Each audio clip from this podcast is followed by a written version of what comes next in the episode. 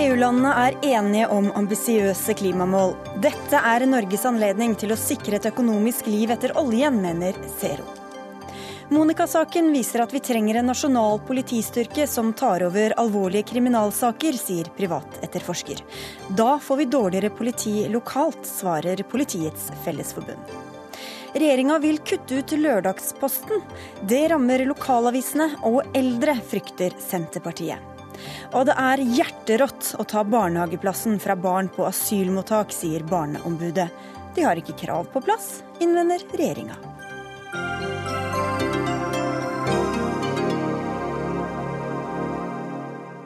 Dette er ukas siste Dagsnytt 18 på NRK P2 og NRK2, hvor vi også får besøk av den kritikerroste og prisbelønte forfatteren Kjersti Annesdatter Skomsvold. Jeg heter Sigrid Solund. Etter lange og harde forhandlinger kunne EU-presidenten puste lettet ut klokka ett i natt. Da var EU-landenes ledere blitt enige om å kutte utslippene av klimagasser med minst 40% fra nivået i 1990. I tillegg skal de bruke mye mindre strøm, og strømmen de bruker skal i større grad komme fra fornybare energikilder. Marius Holm, du er daglig leder i miljøstiftelsen Zero. Hvis du kan tegne et bilde for oss av hvordan Europa på grunnlag av dette kommer til å se ut i 2030, hva kan vi se for oss? Ja, Det blir jo et Europa som, eh, som har lavere utslipp enn alle andre regioner i verden, sånn målt i forhold til eh, økonomisk eh, styrke. Så Europa beholder førersetet i å kutte utslipp. Og det vil også være et Europa som har en høyere fornybarandel enn enn de andre regionene internasjonalt. Så dette er eh, ingen tvil om at EU eh, fortsatt vil være en viktig drivkraft for eh, klimapolitikken. Men det blir annerledes både for husholdningene, for byggene og for hvordan folk reiser, eller hvordan blir det? Ja, nå er jo, ikke, nå er jo målene blitt litt vanna ut, så det er ingen revolusjon i dette her. Men, men, revolusjonen er på en måte allerede i gang med den fornybarutviklingen som EU har hatt de siste årene, hvor solenergi og vindenergi har blitt billigere enn en gass. og og etter hvert kommer til å bli billigere enn eh, kull. Så det vil jo være et Europa som er mye mindre avhengig av oss, og mindre avhengig av Russland og Putin i å sikre sin energiforsyning. De skaper, eh, har skapt en million nye jobber gjennom fornybar energi. Og det fører jo også til at de slipper å bruke eh, milliarder på milliarder av euro på å importere olje og gass fra land rundt seg. Så dette vil være et mer selvforsynt Europa som skaper grønne jobber, men som dessverre da kanskje senker tempoet litt i forhold til det de har hatt, og, og, i forhold til det man kanskje skulle ønske seg. Men litt flere solcellepaneler på taket og litt bedre isolerte vegger? Ja, det er jo sånn i Tyskland nå at alle eneboliger som har sydvendt tak, har snart solceller på taket. Og, og det har jo gjort at tyskere flest har blitt en del av energiomstillingen og har et veldig sterkt eierskap eh, til det. Nå vil jo også tyskerne ta det neste skrittet som vi i Norge har tatt, med å, å gå for elektriske biler. Nå satser alle de tyske bilselskapene på på elbiler. Og veldig mange tyskere vil jo nå eh, lage sin egen strøm og lade sin egen bil, og, og, virkelig på en måte, for å si det litt tabloid, eh, vise fingeren til energiselskaper som de nok har eh, hatt et dårlig forhold til eh, gjennom mange år, med, med litt sånn uh, stygge historier rundt både kull og atomkraft som, som, ikke, som, ikke, er populært blant den vanlige tysker. Og det samme, det samme skjer jo i de andre EU-landene. Man, uh, man, man blir mer selvforsynt, får en renere luft, uh, mindre energiimport og ikke minst da mindre klimagassutslipp. Men Hva kommer denne avtalen til å få si for Norge, da? For Norge så eh, er jo eh, redusert fossil energibruk en mulig kostnad, selvfølgelig. For vi jo, lever jo av å eksportere olje og gass i veldig stor grad. Og eh, Det er nok sånn nå at Norge må begynne å ta inn over seg at eh, verden faktisk mener alvor med å redusere bruken av fossil energi, og at eh, klimapolitikken kommer til å, å redusere lønnsomheten i olje og gass. Og Særlig på energieffektivisering så er det jo sånn at energieffektivisering er noe vi gjør i, gjerne i bygg. Og I Europa så er det veldig mange land som har veldig dårlige bygg. Så når de begynner å isolere loftene sine og begynner å sette inn skikkelige vinduer, så reduseres bruken av gass til oppvarming voldsomt. Og da eh, står vi litt i et dilemma i Norge, fordi gassprisene vil synke. Mens kostnadene med å lage gass de blir eh, høyere og høyere, og da blir profitten borte. Det skal vi komme litt tilbake til eh, om litt. Men Lars Andreas Lunde, du er statssekretær i Klima- og miljødepartementet. Hvordan skal Norge henge med på denne utviklinga som EU nå også er i gang med? Ja, først vil jeg si at jeg er veldig glad for at EU nå går såpass langt og ligger langt i førersetet i forhold til andre regioner i verden når det gjelder å sette seg ambisiøse klimamål. Det er ikke minst viktig innenfor de internasjonale klimaforhandlingene som vi skal ha neste år i Paris. Så må jeg også si at Norge også har ambisiøse mål. Eh, de målene vi har hatt hittil er vel på nivå med EU. Så skal vi nå innen første kvartal neste år melde inn våre klimamål eh, foran klimaforhandlingene i Paris. Men vi er veldig glad for at EU setter seg ambisiøse mål, og også vi i Norge kommer til å sette oss svært ambisiøse mål.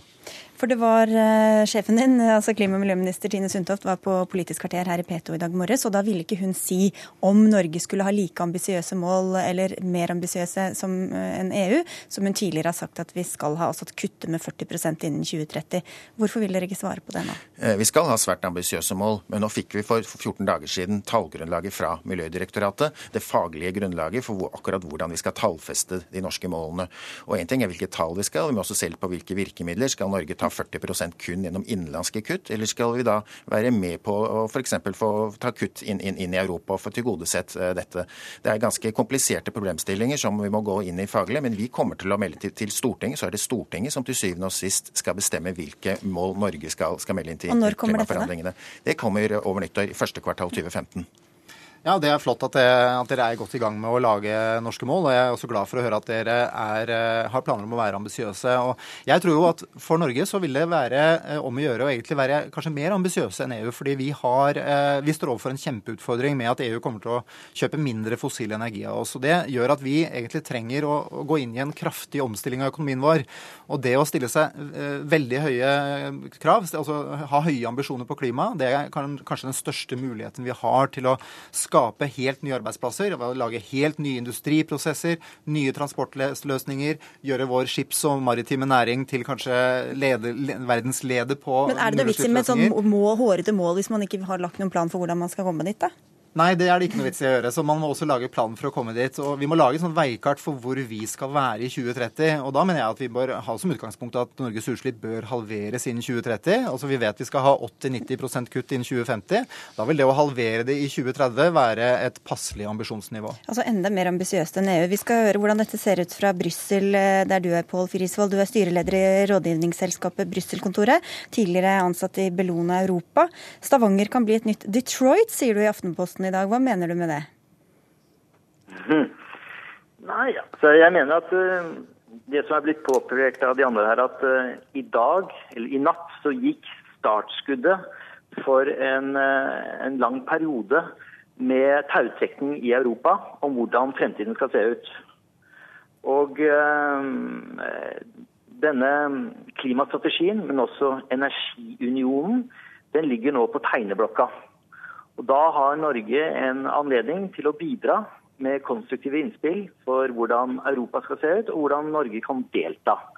Jeg er jo litt uh, uenig med Marius Holm når han sier at uh, her vil EU eh, løpe fra oss.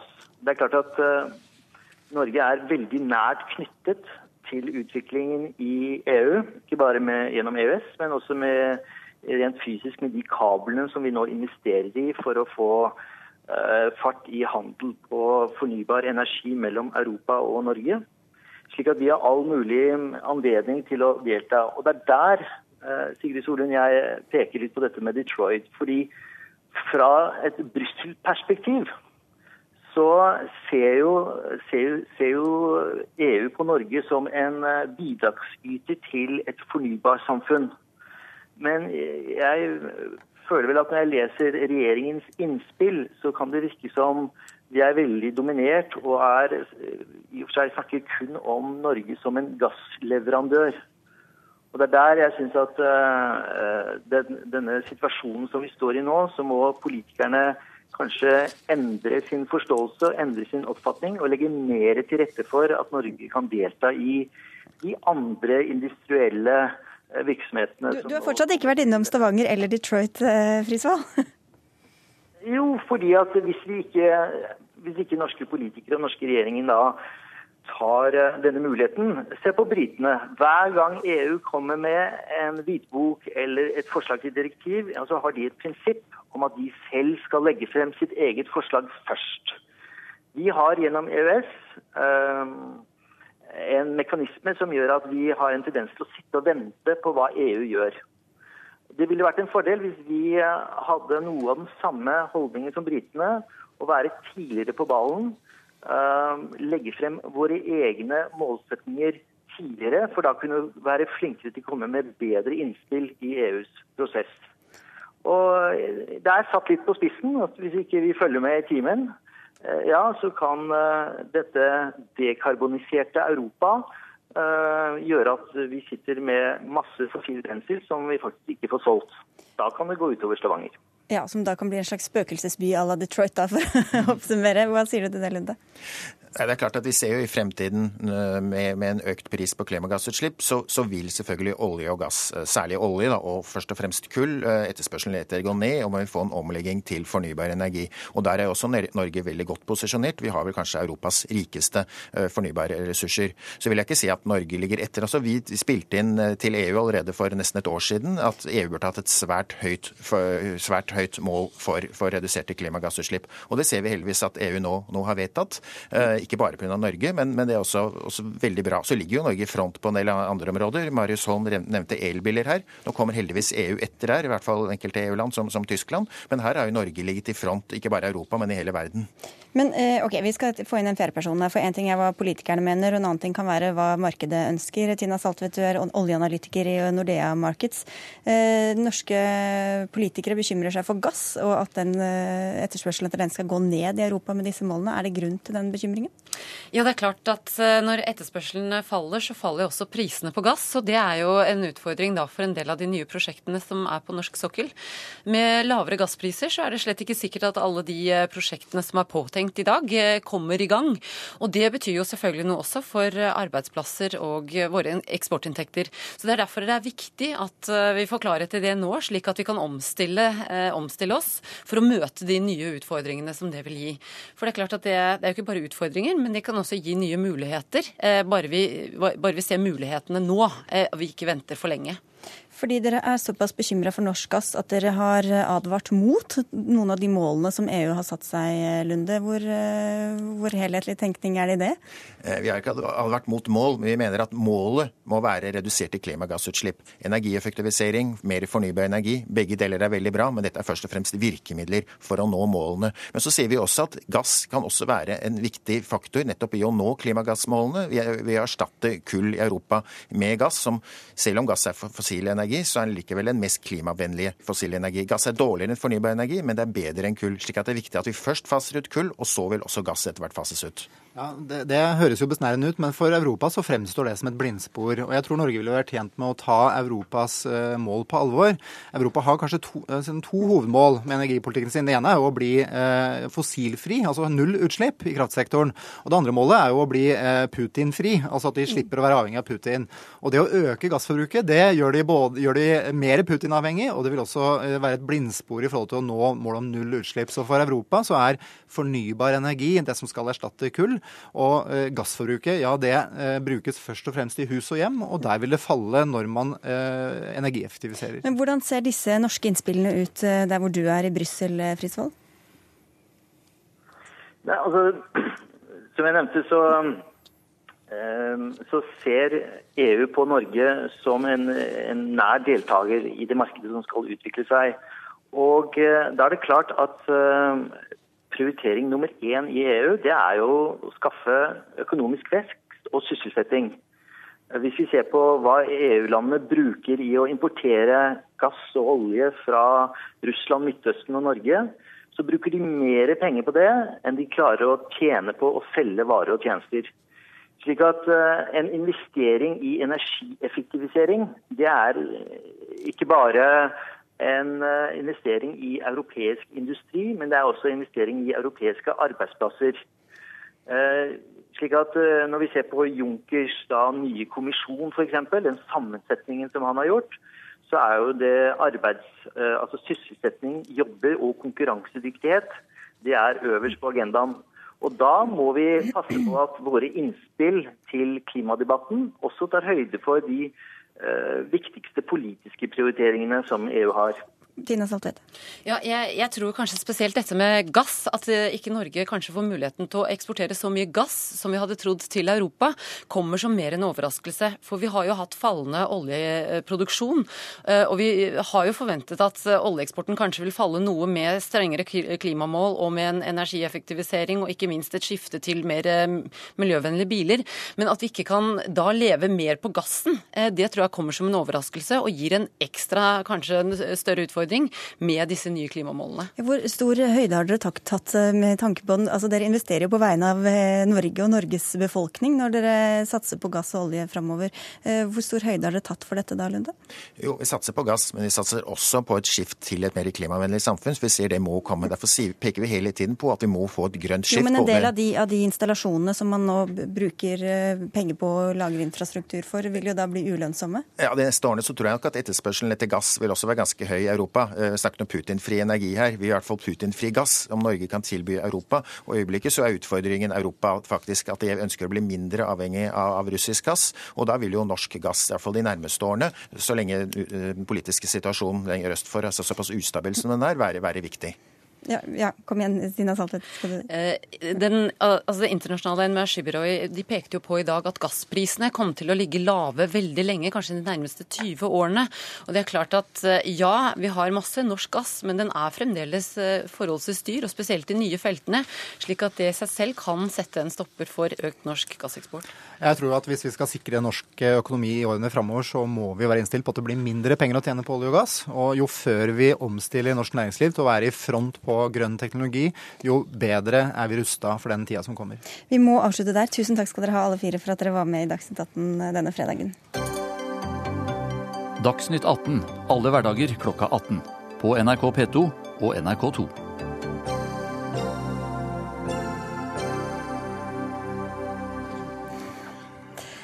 Etter at uh, åtte år gamle Monica ble funnet død på Sotra i 2011, overså politiet flere opplysninger som kunne ha kastet lys over dødsfallet. Saken viser at Norge trenger en sentral nasjonal politistyrke som skal ta over ansvaret fra lokalt politi i alvorlige kriminalsaker, mener du Leif Alier, du er privatetterforsker og tidligere politietterforsker. Hva skal en sånn politistyrke gjøre? Det er ikke så mye dramatikk i dette som man tror, for i dag så har Kripos en egen etterforskningsavdeling som bistår landets politidistrikter med etterforsking når det blir anmodet om det. Men de har ingen påtalemyndighet disse sakene. Det er det lokale politidistriktet som har påtalemyndigheten, og den lokale politimesteren som bestemmer. Det er altså et bistandsorgan. I motsetning til Økokrim, som da etterforsker sakene som de mener de skal etterforske, og ha egne statsadvokater. Så forslaget mitt ligger vel bare på det i forbindelse med den nye politireformen som de driver med nå. Sørg for at Kripos får ansvaret for å overta de sakene som de mener er riktige, og la de få statsadvokater og sin egen påtalemyndighet. Og det skal ikke koste så mye mer penger enn det gjør i dag. Du sa til Her og Nå her i NRK tidligere i dag at eh, elitestyrken bør ha sine egne statsadvokater, som du er inne på, og få bistand fra det lokale politiet når det trengs. Men hva kan man se for seg at en sånn styrke kan gjøre som ikke det lokale, lokale politiet kan? Man har ikke noen myndighet. Eh, de er bistandsorgan, og det ligger i ordet. Bistand er noe annet enn å ha ansvaret. Men hvorfor, kan, hvorfor skal de vurdere det bedre enn det det lokale politiet kan? Fordi de er eksperter på dette. Og du vet at det, når du blir ekspert, så har det noen visse ting som ligger i bunnen. Og det er for det første at du har utdannelse. For det andre at du har erfaring. Og jobber tett sammen med folk som du jobber sammen med hele tiden. Og dette med erfaring, vet du. Den gangen jeg var på Kripos og etterforska massevis av drapssaker, så var det jo da slik at eh, mange politifolk utover i landet mente at vi var jo for unge, fordi at de hadde jo vært i politiet var 15 og 20 år lenger enn oss. Men det var bare at vi etterforska drap hele tiden, vi. Og lærte jobben vår. On the job training.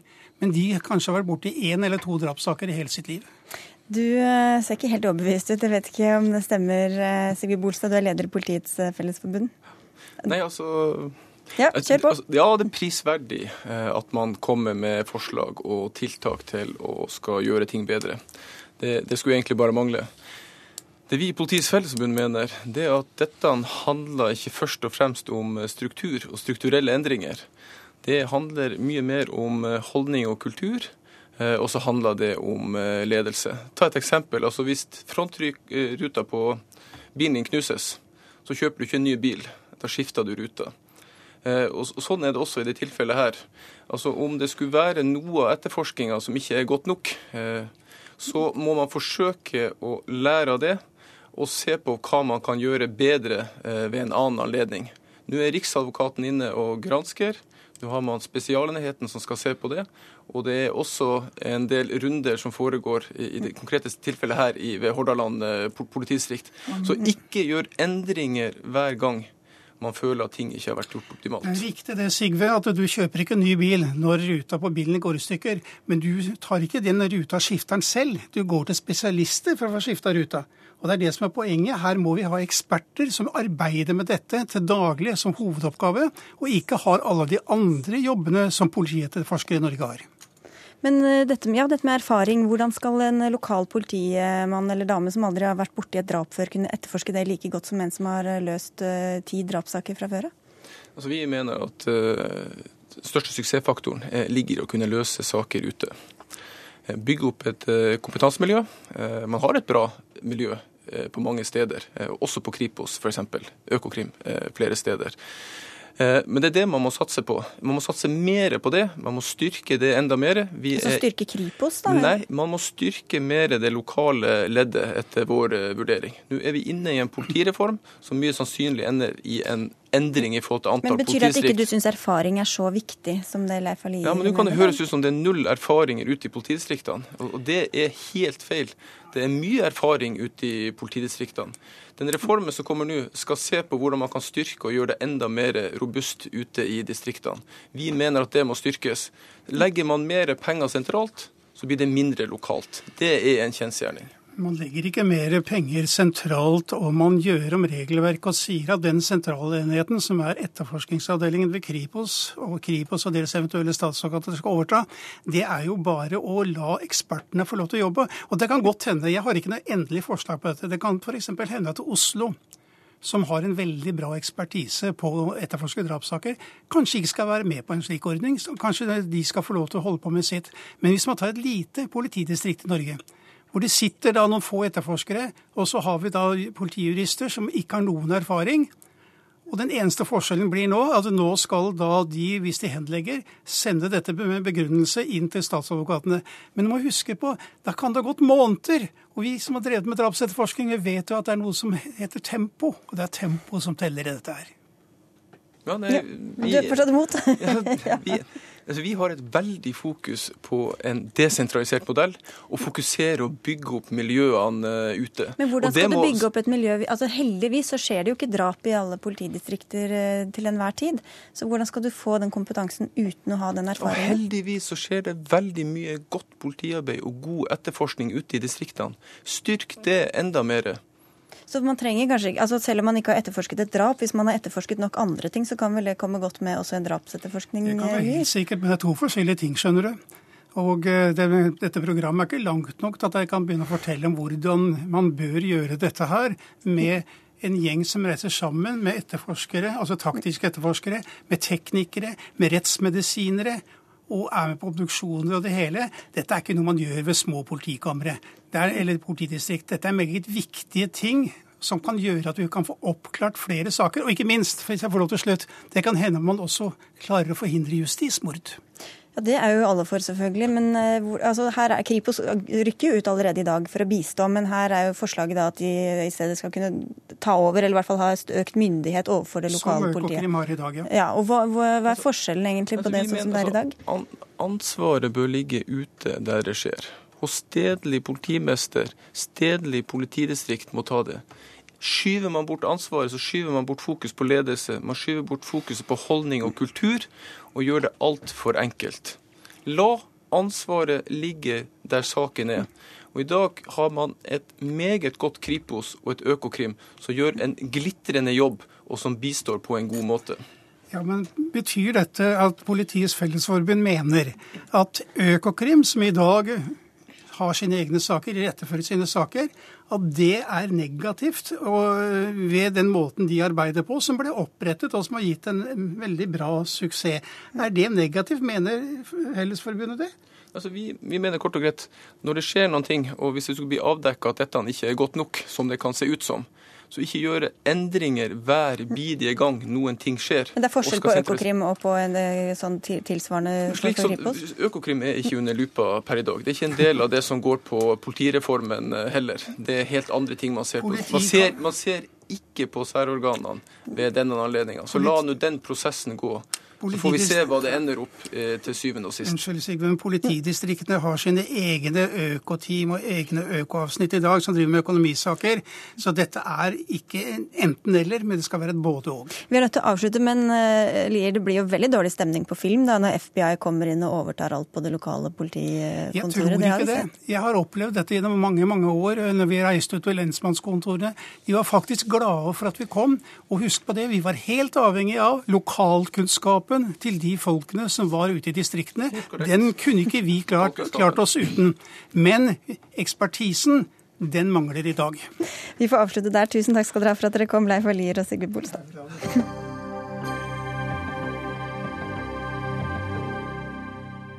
Bor du utenfor de store byene, kan det hende at du må drikke kaffen og spise frokosten din eh, lørdag morgen uten noen knitrende lørdagsavis eller ferskt kjærlighetsbrev som følge. For regjeringa vil slutte med post på lørdager, som et av forslagene i den nye postloven som er sendt ut på høring. Og samferdselsminister Ketil Solvik-Olsen, hvorfor mener du at vi ikke trenger post på lørdager? Det vi ser, det er jo en utvikling som har pågått over flere år. Eh, siden tusenårsskiftet så er postomdelingen gått ned med 40% allerede. Posten Norge anslår at i de neste syv-seks årene vil postomdelingen reduseres med ytterligere 45% altså totalt sett en 70% nedgang. Det tyder jo på at eh, veldig få skriver kjærlighetsbrevene sine på papir lenger. på fredager i hvert fall. Ja, En eh, bruker digitale medier. og Det sier jo òg Posten Norge. At endringene i markedet nå er så stor, ikke fordi at de konkurrerer mot andre leverandører av papir, men fordi at de konkurrerer mot digital post, e-post. Så postkassa er tom på lørdager, enten det går postbud der eller ikke? Ja, i beste fall så får du reklame eller en regning. Og retten til å få omdelt regninger på lørdager anser ikke jeg til å være veldig viktig. Eh, muligheten til å lese aviser på lørdager, den er viktig. og Derfor har vi i høringsutkastet vårt sagt at akkurat det vil vi gjerne ha gode innspill på for å se hvor stort er behovet. Og der ser vi jo at stadig flere abonnerer på digitale aviser, og gjerne redusere behovet. Men òg 85% av avisene i Norge omdeles av eh, andre leverandører enn Posten. Sånn at det er veldig få steder eh, dette er en relevant problemstilling, men der det er, så skal vi diskutere det nøye for å sikre et godt tilbud. Senterpartileder Trygve Slagsvold Vedum, jeg vet ikke hvor mange kjærlighetsbrev du får, men du vil i hvert fall ha post i postkassa seks dager i uka uansett. Hvorfor er det viktig? Det er jo det er flere ting som er viktig. Det ene er jo det som har vært innom allerede med avis. altså 15 av avisene ifølge de som organiserer dem, blir delt ut på, på, lørdager. og det At vi skal ta bort den muligheten, det vil være et eh, stort tjenestetap. Og så er det det som er unikt med den norske postmodellen, at det er et gedigent spleiselag. altså Vi betaler den samme prisen i hele landet. Og så går man i overskudd i posten i visse områder, og så går man i underskudd i andre områder. Og så har vi den samme tjenesten uansett hvor vi bor. Og Med det forslaget som ligger her, så vil man ha en full liberalisering av postmarkedet. Det gjør at noen aktører kan gå tungt inn f.eks. i Oslo og skumme markedet. Mens da i andre områder i landet vil da ikke kunne ha, få den konkurransen. Og Det gjør at Posten vil få dårligere overskudd over tid, og at du må gå inn med mer subsidier for å opprettholde en lik tjeneste i hele landet. Og da, det, det, tror jeg ikke det er, er, den beste modellen. Jeg tror det er bedre å ha en modell som vi har i dag, der det er et spleiselag, og der alle har samme porto, der vi har samme tjenestetilbud, og der vi har postombæring i seks dager. Og så er det én ting til.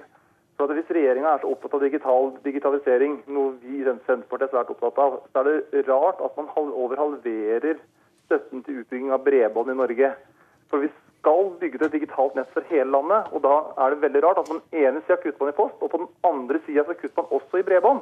Hvis man reelt sett mente at man ville at folk skulle gå over på digitale plattformer. Ja, Du trenger ikke å ta alt på en gang her, men du kan svare på det første først, da, Solvik-Olsen. Ja, eh, Når det gjelder enhetsportoen, så har jo vi sagt i høringsutkastet at den skal bestå. Så akkurat den kritikken som kommer her, den, den eh, forstår jeg ikke helt. Det er viktig å sikre at en betaler det samme for brevet, uavhengig av hvor en sender det fra, og hvor en sender det til. Det er en del av det spleiselaget som jeg er helt enig i. Når det gjelder lørdagsomdeling av post, så ser vi jo at nettopp fordi at postvolumene går ned generelt, og fordi spesielt på lørdager så omdeler du bare en fjerdedel av den postmengden som du omdeler andre dager, så blir det svært svært dyrt å omdele de få regningene og den reklamen som skal ut på lørdager. Vi kan altså spare rundt 400 millioner kroner i året som vi kan bruke på andre ting. På bedre veier, på bedre bredbånd, Men ikke på, på bredbånd, da virker det som? Jo, eh, så, så kan jeg ta det. Eh, det ingen, eh, I dag så er det altså sånn at 99,9% av alle norske husstander har tilgang til internett. Det er det du trenger for å ha tilgang til digital post. Så er det en enorm investering i fibermarkedet nå. Bare i, i året som gikk, så økte det med 6 prosentpoeng. Det er vesentlig mye. Det som vi har sagt, er at når vi ser på en del av prosjektene, så er ikke problemet egentlig at de trenger subsidier. Problemet er at kommunene stiller så eh, strenge krav til graving at det gjør eh, prosjektene urimelig dyre. Bare i Alta så, så hadde en et prosjekt som var 530 km. Hadde du stilt de strengeste kravene som noen av kommunene her på Østlandet gjør, så hadde det kosta deg 940 millioner kroner å grave. I Alta så stiller de mye Men Hva går det utover hvis man Hør, ikke skal ha krav, da? I, i, al, jo, men altså, I Alta så stiller de mye mildere krav. De kommer unna med 60 millioner. Du sparer altså 880 millioner kroner på ett prosjekt bare ved å gjøre det enklere reguleringsmessig.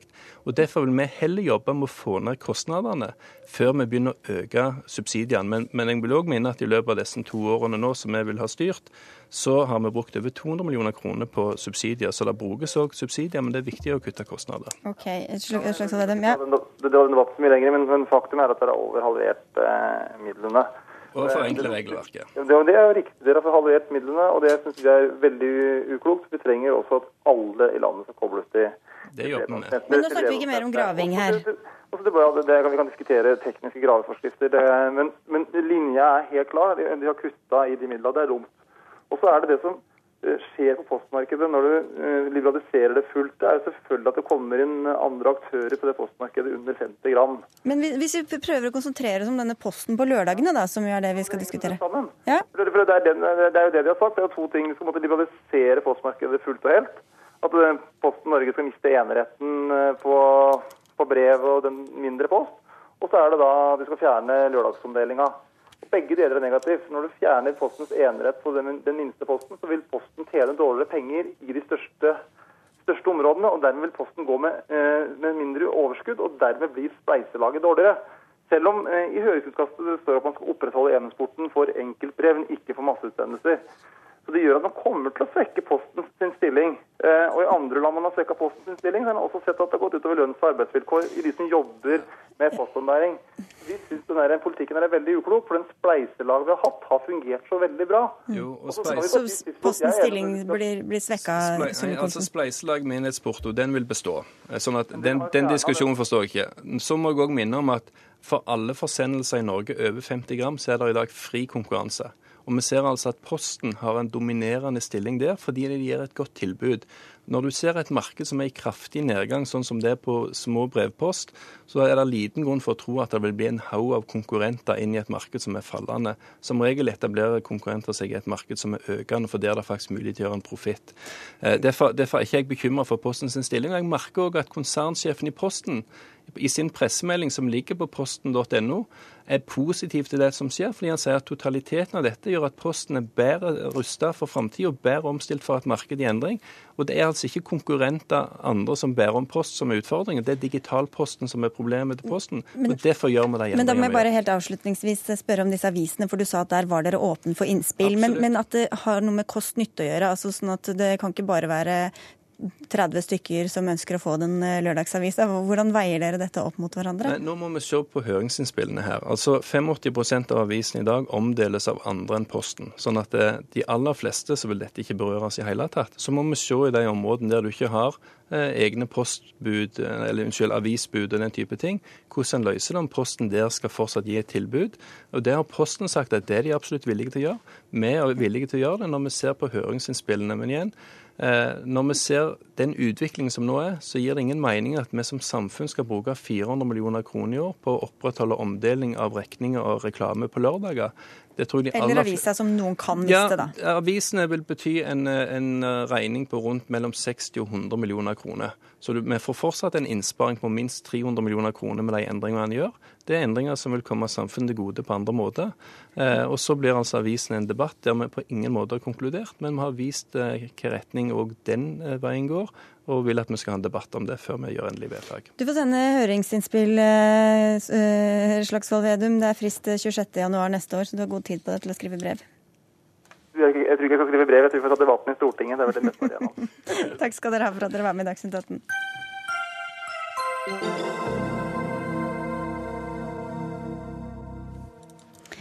Var det en feilvurdering å ikke ha en egen utviklingsminister da regjeringa tiltrådte for vel et år siden? Ja, mener en rekke organisasjoner i Dagbladet i dag.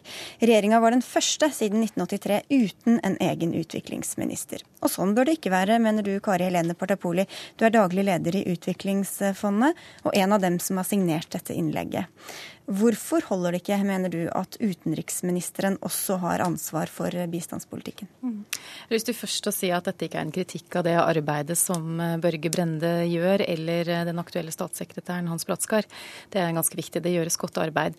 Men det vi ser, det er at eh, Norge nå har tidenes største bistandsbudsjett. Vi er en stormakt når det gjelder bistand. Og det er første gangen da, som du sier, på 30 år hvor vi ikke har en egen bistands- og utviklingsminister. Vi ser at det har effekt både hjemme og ute. Eh, utenriksministeren er nødt til å reagere på mange av de store konfliktene, urolighetene og humanitære krisene som er i verden, og blir selvfølgelig styrt av det. Og vi ser at det kan ha en effekt på Norges plass ved det forhandlingsbordet når man skal forhandle langsiktig utviklingspolitikk. Vi utøver altså da Vi gir mer penger enn noen gang, men har mindre politisk ledelse hvordan har vi det? Eh, F.eks. den største, eh, største, konferansen som holdes eh, om internasjonal bistand, ble holdt i Mexico i april i år, og Børge Brende var påmeldt, men meldte avbud i siste liten. Og jeg tror det var pga. noe som skjedde i Ukraina. Det var, det var helt sikkert riktig vurdering, men det er klart da lider bistandsarbeidet. Så vi ser det ute, og så ser vi det også inne, eller hjemme, i forhold til at det er vi mangler noen plattformer og eh, arenaer hvor det går an å diskutere med øverste politiske ledelse den utviklingspolitiske eh, dagsorden i Norge. Og det er viktig når det er Så det er vanskelig å nå gjennom til Ja, vi som har skrevet dette innlegget, ja. vi mener det. Mm. Eh, Bård Glad Pedersen, du er statssekretær i Utenriksdepartementet, og denne regjeringa har jo ønska seg bedre kvalitetssikring, eh, mer presis eh, bistand. Hvorfor ikke da ha en egen statsråd som konsentrerer seg om det? Fordi vi vet at Hvis vi skal nå eh, tusenårsmålene, hvis vi skal lykkes med å avskaffe ekstrem fattigdom, så må utviklingspolitikk og utenrikspolitikk ses i eh, sammenheng. Da må eh, spørsmål om eh, konfliktløsning, spørsmål om eh, bistand, utvikling, spørsmål om handel ses i sammenheng. Og at det nå er utenriksministeren som leder arbeidet med Eh, i Norge med nye tusenårsmål for Norge. At statsministeren har tatt på seg en rolle for å være pådriver for å nå de tusenårsmålene som er eh, satt. Det er jo en opprioritering av eh, dette området. Og så er det jo også sånn at en utenriksminister har jo tilgang på noen arenaer der en utviklingsminister vanskeligere kommer til. At når en utenriksminister møter eh, FNs generalsekretær, møter eh, USAs utenriksminister, møter andre lands utenriksministre, og kan da ta inn også de utviklingspolitiske spørsmålene, Men er det er det som står på agendaen da, eller er det liksom akutte kriser i Ukraina eller andre steder? Disse tingene henger jo uh, sammen. Hvis du ser på Eh, I Syria og Irak så har vi den største humanitære katastrofen som vi har hatt siden FNs eh, opprinnelse. Bare i Syria er det over ti millioner mennesker som trenger humanitær hjelp. Men det er jo ikke bare et, spørsmål, eh, et humanitært spørsmål, det er også et viktig utenrikspolitisk spørsmål. Det er et spørsmål om et sikkerhetspolitisk spørsmål. Og det å se de tingene i sammenheng er viktig. Og jeg tror alle som følger norsk politikk, ser at Børge Brende har et ekte engasjement for de utviklingspolitiske spørsmålene, og at han er en pådriver for det arbeidet, også internasjonalt, og kommer altså inn på arena som en utviklingsminister vanskelig vil ha sluppet til. Mm. Ja, jeg er helt enig i at vi, vi tviler ikke på engasjementet, kompetansen eh, eller viljen her, og også enig i at det er disse, disse sammenhengene som du peker på. Men disse, og disse eh, foraene som han slipper ja, til? Ja, det er det, det, jo, men det, det som er, det er at langsiktig utviklingsarbeid, nettopp å fjerne eh, ekstrem fattigdom, eh, sult, eh, kronisk underernæring, det krever langsiktig arbeid. Og det krever politisk ledelse. Du er nødt til å kjenne presidentene, statsministerne osv. Og, og du kan ikke komme med en statssekretær. Og Børge Brende kan bare Nå kan han være mange steder, men han kan ikke være alle steder på en gang.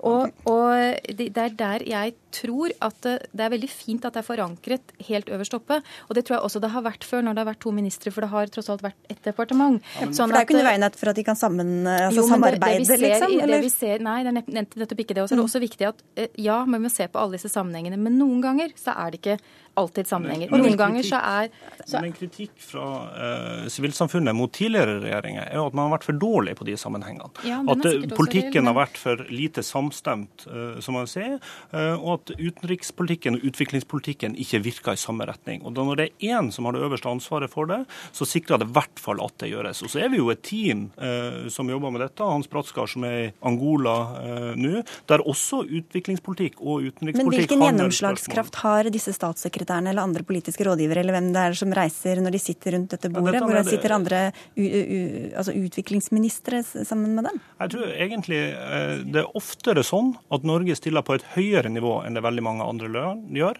enn at vi stiller på et lavere nivå. Og Når vi stiller med en utenriksminister, så bidrar det til at vi kan løfte inn i fora som vi ellers ikke Men det var jo kritikken at han ikke er der, da, fordi jo, han er et men, annet men, sted. Uh, faktum er at han er der. Altså, tidligere denne uka så var han i Jordan, der de er berørt av den største humanitære katastrofen over 600 000 syriske flyktninger bare der. Vi har eh, arrangert en eh, giverlandskonferanse for Gaza sammen med Egypt, som ble en stor suksess. Eh, arbeidet som vi gjør knytta til Syria og Irak, er blant de som gjør mest. I Sør-Sudan ja, det, er nettopp... det, er ikke tvil om at det gjøres mye, og det er det at Børge Brende som utenriksminister gjør en god jobb. Det er ikke det som, som vi, som vi tar i her. Det er ingen problemer med politikkens innhold, det er bare måten det ja, er organisert på. Nå er det ikke politikkens innhold som er diskusjonen her, det kunne vi sikkert også ha snakket om, men er, her er det på en måte metoden og gjennomslagskraften. Og eh, det er eh, sammenhenger som er viktige å se på. Men samtidig så er det også sånn eh, at bistand og utvikling òg er et eh, eget fagfelt. Og målgruppene for bistand og utviklingspolitikken er ikke alltid de samme som målgruppene for det utenrikspolitiske arbeidet ellers. For noen ganger kan næringsinteresse f.eks. komme i veien? Så kan, det, altså det kan være ett eksempel. Men det er i hvert fall eh, to felt, dette her. Sånn at eh, noen ganger så er det nødvendig å ha en fagminister som kan eh, passe på at dette f.eks. handler om fattigdomsbekjempelse. Jeg betviler ikke eh, at dette gjøres etter beste intensjon, men vi ser altså at vi stiller svakere. Og så er det ganske viktig Men må får svare på det, da. Ja. Men, men, nettopp næringslivets rolle som du trekker fram, er jo et eksempel som viser hvor viktig det er å klare å se dette i sammenheng, og at man bringer utviklingspolitikken ut av Men hvis de to krysser, da? Næringsinteresser og bistandsinteresser? Ja, men, men, det viktigste elementet er jo at næringslivet har enorm betydning for å skape uh, utvikling. Skal vi klare å bekjempe fattigdom, avskaffe ekstrem fattigdom, så har privat næringsliv en nøkkelrolle. Og det å bringe det inn i uh, utviklingspolitikken, og bringe utviklingspolitikken også ut av de, bare de miljøene som har historisk drevet med det, har vært viktig for, for oss. Bare ganske kort. Det har vært eh, gjort en eh, ganske stor eller en bistandsreform akkurat nå av regjeringen i forhold til en konsentrasjon av både land og tematikk. Det har vært gjort i ganske stor grad uten en dialog med i hvert fall store deler av sivilsamfunnet. To store møter på Litteraturhuset med representanter fra et samlet sivilsamfunn uten, en, eh, uten den ministeren som har ansvaret for det. Jeg mener, vi trenger møteplasser hjemme for å kunne diskutere utviklingspolitikk. Børge Brende må invitere Partapoli og andre ja, altså det, det, Vi møter sivilsamfunn gjerne, og vi gjør det ofte. Men det er 200 organisasjoner som får eh, støtte over vårt budsjett, og alle kan ikke møtes enkeltvis. Eh, men vi gjennomfører jo nå endringer for å oppnå større resultater, og for å klare å se utviklingspolitikken i sammenheng med utenrikspolitikken. For det er helt nødvendig hvis vi skal lykkes med å bekjempe ekstrem fattigdom. Dere får avtale litt eh, utafor her og si tusen takk for at dere var med i Dagsnytt 18 i dag. Hør Dagsnytt 18 når du vil. Radio NRK.no. Romanen eh, 'Jo fortere jeg går, jo mindre er jeg' fikk både priser og et eget teaterstykke. Så kom romanen 'Monstermenneske' og diktsamlinga 'Litt trist matematikk', også til jubel hos anmelderne. Nå er en ny roman eh, ferdig, 33 heter den, og gratulerer eh, Kjersti Jannesdatter Skomsvold. Takk skal du ha. Da noen i redaksjonen spurte meg i dag hva boka handlet om, syns jeg det var litt vanskelig å si. Kanskje du har et mer presist svar enn det jeg hadde? Ja, jeg har jo øvd meg litt. Da. Um, det er en kjærlighetsroman. Uh, hovedpersonen er uh, den lungesyke kvinnen K, som arbeider som matematikklærer. Og den ene kjærligheten i livet hennes er Ferdinand, som har begått selvmord, men som stadig dukker opp og prater med henne. Og den andre er Samuel, som er fanget i en sånn endeløs cricketkamp. Men da jeg satt der ute, så tenkte jeg jo at det, den viktigste kjærligheten i denne boka er jo egentlig til språket. Eh, og hvordan språket kan være med på å helbrede de bristene på fantasien som virkeligheten lager. Um, du skal få lese litt, men først skal jeg bare spørre deg, fordi du ble intervjua i forbindelse med diktsamlinga som du ga ut i fjor eh, sommer, var vel det? Og da sa du til NRK at romanen som du da skrev på, som jeg antar er denne, at den handlet om venting. Ja. Ble det sånn? Ja, vet du hva, den handler jo egentlig om det, men det er jo også sånn med å skrive en roman at man i prosessen oppdager at man holder jo på med noe helt annet enn det man trodde også, da. Og det er jo da det magiske i skrivingen skjer, når man oppdager noe nytt, og at virkeligheten viser seg å være helt annerledes enn man tror. Men det er helt klart noe venting med denne boka også, altså. Mm. Du kan få lese en passasje fra den, sånn at lytterne og seerne skjønner litt mer av hva vi snakker om. Jeg bærer på håpet rundt omkring i leiligheten men ute på fortauet også. Jeg bærer det som et barn i en bærepose. Og støtt åpner jeg posen, løfter barnet ut, studerer det mens jeg i redsel mest har lyst til å stikke øynene ut på meg selv, før jeg legger barnet ned i posen igjen, hvor det kryper sammen i fosterstilling og sovner. Og med en gang jeg begynner å glemme det, er det noe som får meg til å pakke barnet ut på nytt, som om dette, at det er i ferd med å forsvinne fra minnet mitt, er nettopp det som minner meg på det. Dette er min måte å leve på, å stå opp, ta fatt, holde på helt til den store utmattelsen sluker meg, utlevere meg selv til dette håpet, hengi meg til det med all verdens skrupler og skam og en uforståelig nysgjerrighet, før jeg neste morgen tar fatt igjen, finner frem blyanten. Jeg fester håpet i skrivingen, skrivingen som trekker hjertet ut av meg gang på gang. Og da var det språket og kjærligheten til deg som du var inne på også, og kanskje mer språket enn akkurat en sånn rett fram handling som driver eh, boka framover. Du hopper litt ut og inn av drøm og virkelighet, det er tankespinn, og det er eh, liksom mye absurditeter der.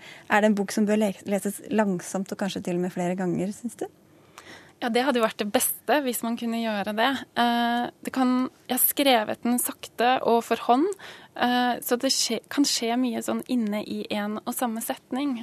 Og det er jo spesielt hvis litteraturen kan bli noe annerledes hvis man går tilbake til den og leser den på nytt. Mm. Litt sånn Kjell Askildsen-stil. Jeg leste han um, skriver én setning om dagen og er kjempefornøyd med det. Ja, det går også an å gjøre. Ja. jeg mente ikke at stilen var den samme. Mm. Eh, men for alle, andre, eller alle, alle, som har lest alle bøkene dine, så er det et stort sprang mellom dem. Eh, du hadde en knapp og litt sånn underfundig stil i den første boka di, som var veldig smal i bredden. Eh, og så til det mer sånn utbroderende litt selv, og selvbiografiske i murstein 'Monstermenneske', og så kom det en diktsamling, og nå noe helt annet igjen. Hvorfor skifter du så mye mellom stiler og typer? For meg så er det viktig at bøkene blir så forskjellige som mulig. Da. Og at litteratur handler om det å prøve å finne ut noe nytt i språket. Og jeg tenker at det magiske skjer når virkeligheten kan beskrives på en måte som jeg ikke visste var mulig. Da. Når jeg blir revet løs fra én oppfattelse av virkeligheten og finner en annen. Og det er det som er helt sånn utrolig med litteratur, den forandringen man går gjennom som menneske. Også når man sitter og leser. Da. At man kan sitte helt alene i et rom, isolert fra omverdenen, og så forandrer man seg som menneske gjennom den prosessen. At man går gjennom den, det forfatteren eh, gjorde da vedkommende skrev den. da. Mm. Men hva tror du det gjør med forholdet som leserne dine får til deg, og de forventningene de har når de åpner bøkene dine? Og jeg hørte det var en dikter som sa at han ville ha mot til å skuffe sitt publikum. Og det syns jeg var veldig fint sagt, da, å tørre det. Eh, så er det kanskje noen som ikke liker alt man gjør, men så kanskje man får noen nye lesere også, da. I 'Monstermennesket' så skriver du om da du studerte til å bli sivilingeniør på NTNU, og eh, hovedpersonen i den nye boka di, som du sa, var matematikklærer. Eh, hvilke um, ulike tiltrekninger har du til matematikken på den ene siden og litteraturen på den andre siden? Ja, eh, jeg trodde jo at det var matematikk jeg skulle holde på med, så jeg brukte noen år på det. Eh, og det som er rart, er jo at det er i, når jeg sitter og skriver, at matematikken nå dukker opp. Da. Både i at jeg skriver om matematikk, her er det K som er veldig opptatt av matematikk, men også eh, fordi det å sitte og regne minner meg veldig om det å sitte og skrive. Da. Og matematikk er jo også en måte å prøve å forstå verden på, akkurat som det å skrive er. Der er det bare litt lettere å finne det riktige svaret. Det er det ikke alltid i det virkelige livet. Ja, K sier jo det at uh, det, hun føler seg nærere sannheten i matematikken, fordi fraværet av sannhet blir så tydelig for henne. Men da tror jeg egentlig at hun mener skrivingen, da. Og hva er det du sitter og skriver på nå? Blir det tegneserie eller dikt? Ja, nå blir det noe Ja, nå tror jeg det blir barnebok. Spennende. Du får mm. komme tilbake når den er ferdig. Tusen takk skal du ha for at du var med i Dagsnytt 18. Takk.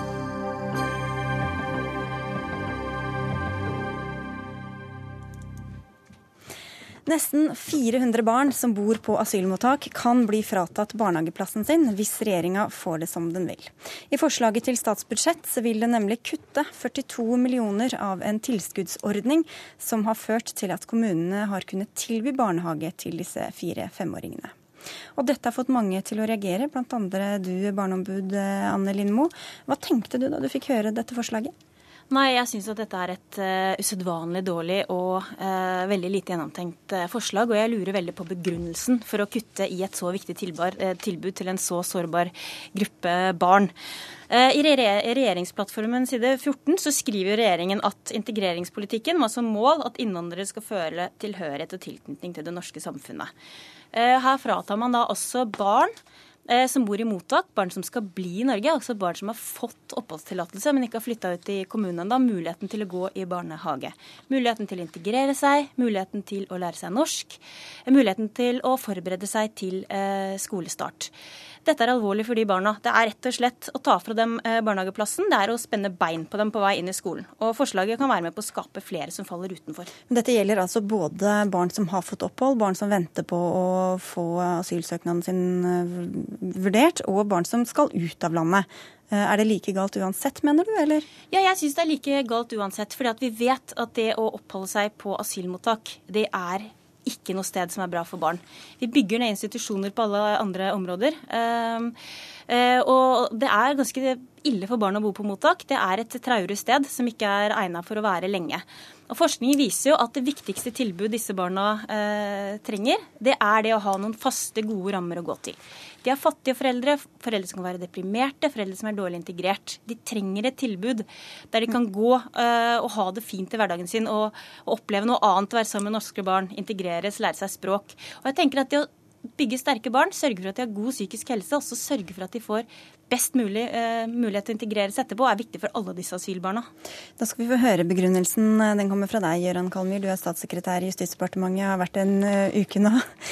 Hvorfor vil dere fjerne dette tilskuddet? Jeg først lyst til å bare si det at eh, Barn som har fått opphold, eh, kan jo få gå på barnehage. Eh, når de har folkeregistrerte adresser, så har de også en rett på barnehageplass. Selv om de bor på mottak. Men da må de ha fått et sted å bo? Nei, da, du kan folkeregistrere i den kommunen du bor i.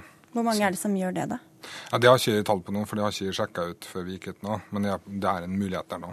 Så har jeg lyst til å bare si det at uh, vi har allokert uh, utlendingsressursene slik at vi setter nå trykket på å få raskest mulig behandla søknadene. Slik at uh, nettopp som Barneombudet påpeker, det er ikke en bra plass bare for barn i et mottak. Derfor så ønsker vi å få asylsøkerne raskest ut av mottaket, enten gjennom at de blir bosatt i en kommune. Derfor så har vi også økt tilskuddene til kommunene, slik at det skal være enklere for dem å bosette bosette. Det tror jeg er det aller viktigste virkemidlet. For det er mye bedre at en barn kommer til den kommunen de faktisk skal vokse opp i, enn at de skal sitte på mottak. Og det andre er at vi styrker altså retursendinga av dem som faktisk har fått et avslag.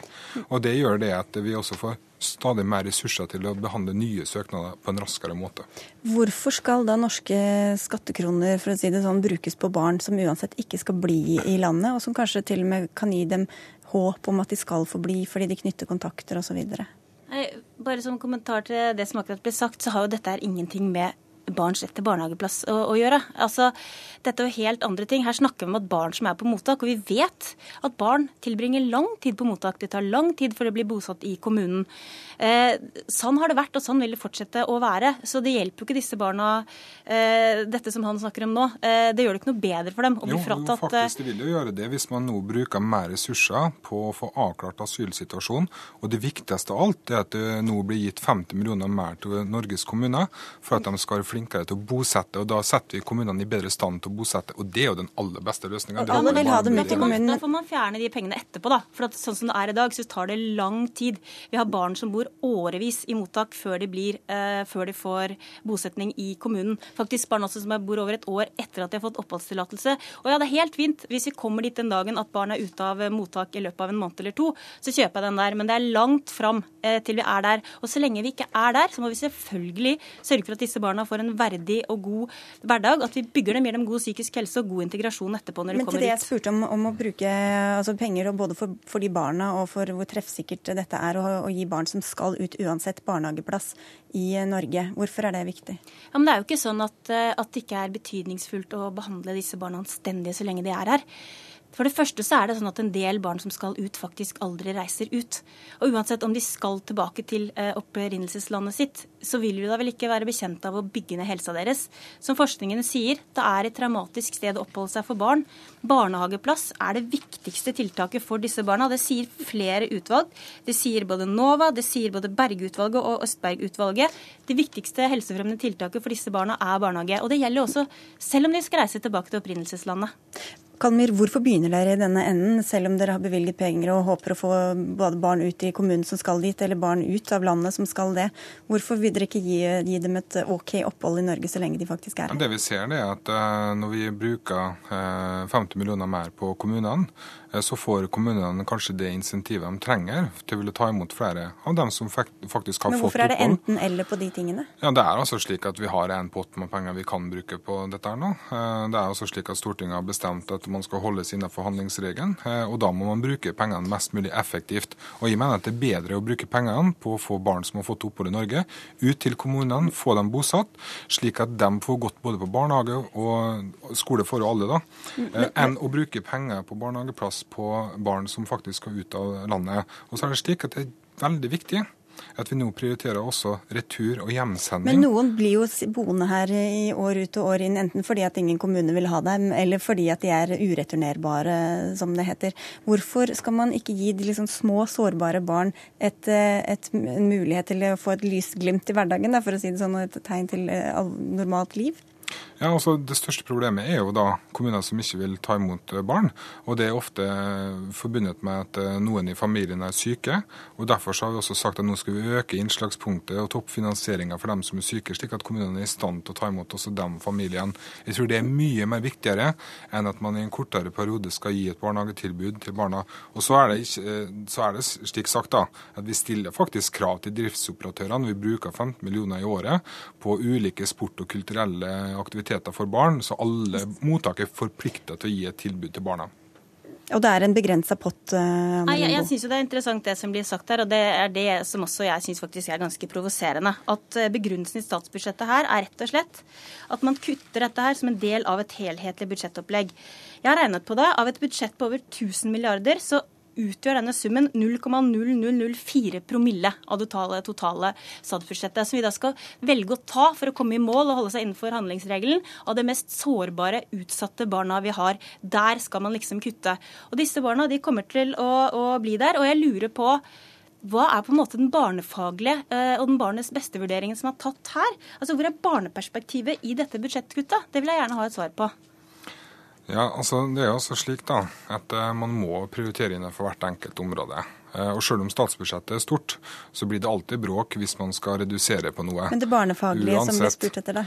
Ja da, og, vi har jo kommet fram til at vi har et tilbud på hver enkelt på hver enkelt eh, mottak. og Det er i tråd med det som Barnekonvensjonen også sier at man skal ha. Man har strenge eh, kontrakter med hver enkelt driftsoperatør, men det er ingen forpliktelse i Barnekonvensjonen f.eks. om å gi et barnehagetilbud. Det, tiden løper fra oss. Ja, men da kan jeg si da, da kan jeg bare gjøre klar uh, om at Barnekonvensjonens artikkel 2 sier at man ikke skal diskriminere. Det sier at man skal ikke drive urimelig og usaklig forskjellsbehandling. Man velger å ekskludere de mest sårbare barna, de som trenger en barnehageplass mest, ja, og gir dem et annenrangs tilbud, så er det en diskriminering. Så dette er overhodet ikke i tråd med Barnekonvensjonen. Det er helt Nei, det, enkelt og greit å si. Det, det, der er dere helt uenige, det skjønner jeg. Så får vi se om dette overlever eh, behandlinga i Stortinget. Tusen takk skal dere ha for at dere var med i Dagsnytt 18. Ansvarlig for dagens sending var Ida Tune Øritsland. Teknisk ansvarlig var Eli Kyrkjebø. Jeg heter Sigrid Solund og ønsker alle en god helg.